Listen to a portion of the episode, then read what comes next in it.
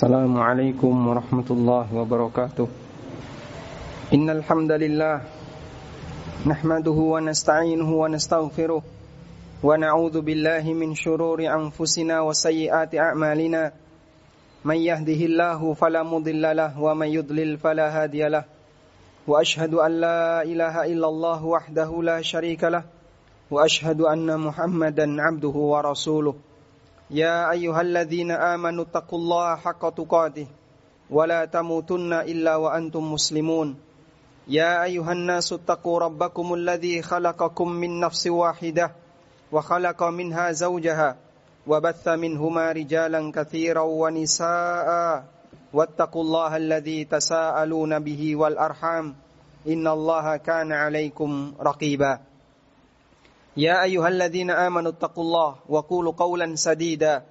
يصلح لكم أعمالكم ويغفر لكم ذنوبكم. ومن يطع الله ورسوله فقد فاز فوزا عظيما. أما بعد فإن أصدق الحديث كتاب الله وخير الهدى هدى نبينا محمد صلى الله عليه وسلم وشر الأمور محدثاتها فإن كل محدثة بدعة وكل بدعة ضلالة وكل ضلالة في النار.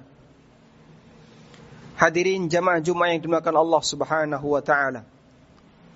Islam mensyariatkan kepada kita untuk selalu menjaga hubungan baik antar sesama manusia agar masyarakat bisa hidup dengan sangat nyaman.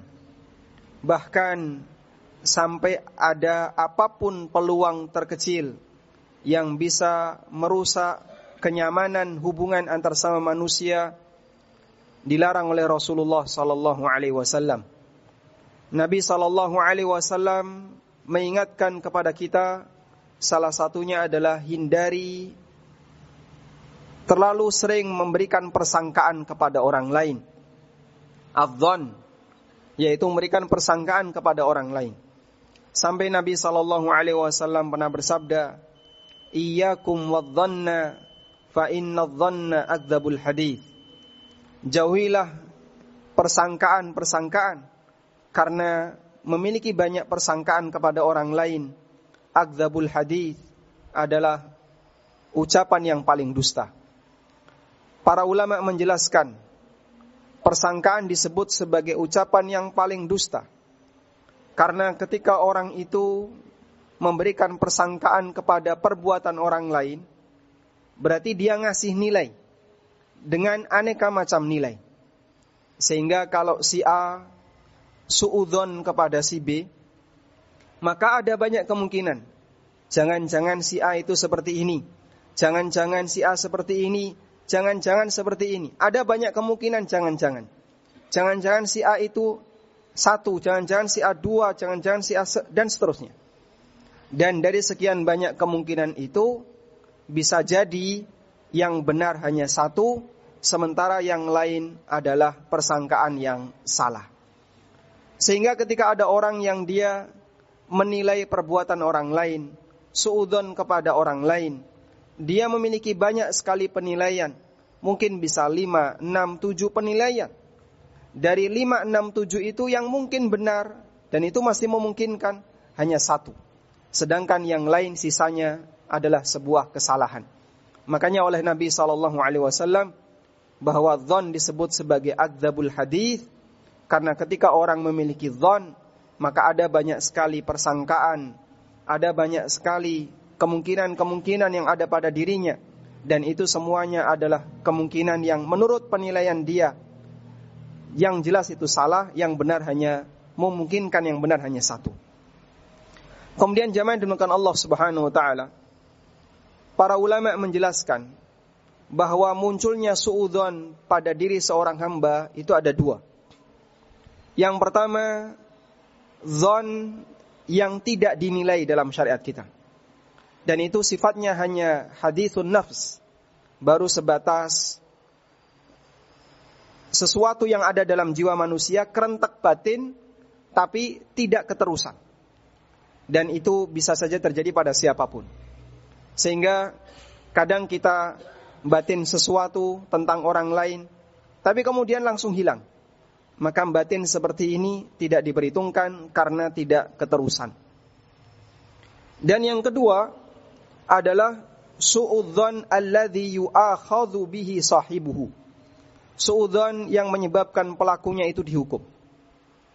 Bentuknya adalah ketika su'udzon itu bertahan dalam hati manusia, keterusan, bahkan kadang sampai orangnya ingin mencari tahu lebih dalam apa yang sebenarnya terjadi. Sampai dia tanya-tanya tetangganya, sampai dia tanya-tanya samping kanan kirinya, keluarganya, teman-temannya, dan seterusnya. Mencari banyak indikator, mengejar terus, ingin tahu rahasia orang lain. Suudon semacam inilah yang ada sisi hukumannya, yang ada sisi perhitungannya secara syariat. Kemudian para ulama menjelaskan, suudzon tentang hukumnya tergantung dari objeknya. Yang pertama adalah suudzon kepada Allah. Dan ini termasuk di antara dosa besar. Allah Subhanahu wa taala menceritakan dalam Al-Qur'an, di antara sifat orang munafik adalah mereka suudzon kepada Allah Subhanahu wa taala yadhunnuna billahi ghairal haqqi dhannal jahiliyah. Mereka punya persangkaan kepada Allah yang tidak benar, yang itu merupakan persangkaan jahiliyah dan itu suudzon. Ibnu Qayyim pernah mengatakan, "A'dhamudz dzunubi indallahi isa'atu dhanni bil." Termasuk di antara dosa besar kepada Allah taala adalah ketika orang itu suudzon kepada Allah. Al-Mawardi salah seorang ulama madhab Syafi'iyah mengatakan, Su'udhan huwa adamu thiqah biman huwa laha ahlun. Fa in kana bil khaliqi kana syakkan ya'ulu ila. Bentuk su'udhan adalah tidak yakin terhadap orang yang berhak, zat yang berhak untuk diyakini. Dan jika su'udhan ditujukan kepada al-khaliq, maka itu bentuknya adalah keraguan yang bisa menyebabkan orang menjadi tersesat. Intinya su'udhan kepada Allah adalah dosa besar. Dan bentuk suudon kepada Allah adalah ketika orang punya persangkaan bahwa Allah tidak akan menolong para kekasihnya, orang-orang soleh yang dekat dengannya. Yang kedua adalah suudon kepada para nabi. Imam Nawawi mengatakan suudon kepada nabi kafir dengan ijma ulama. Kata Nawawi, dhannu bil anbiya kufrun bil ijma. Suudon kepada para nabi adalah perbuatan kekufuran. Ada sebagian orang yang dia seudon kepada Nabi Muhammad sallallahu alaihi wasallam. Dan itu disebabkan karena mereka enggak terima kenapa Rasulullah sallallahu alaihi wasallam menikahi Aisyah radhiyallahu anha di usia 9 tahun sudah melakukan hubungan badan. Dan banyak itu terjadi bahkan di kalangan sebagian kaum muslimin. Waliyadzubillah, semoga tidak terjadi pada diri kita. Karena bentuk suudon kepada Nabi statusnya adalah perbuatan kekufuran. Yang ketiga adalah suudzon kepada orang mukmin yang saleh. Orang yang suudzon kepada orang mukmin yang saleh masuk dalam kategori al-kabair, perbuatan dosa besar. Sebagaimana keterangan Al-Haythami dalam kumpulan dosa dosa besar Az-Zawajir kita beliau beliau memasukkan suudzon bil muslim alladhi zahirul adalah minal kabair suudon kepada seorang muslim yang saleh termasuk di antara bentuk dosa besar. Kita berupaya untuk sebisa mungkin jangan sampai ini terjadi pada diri kita. Sehingga kadang ketika kita punya suudon kepada orang lain, mohon untuk tidak dibiarkan, berusaha untuk segera diperangi agar bisa segera hilang dalam hati kita. Demikian sebagai khutbah yang pertama semoga bermanfaat. Aku lu qauli hadza wa astaghfirullah.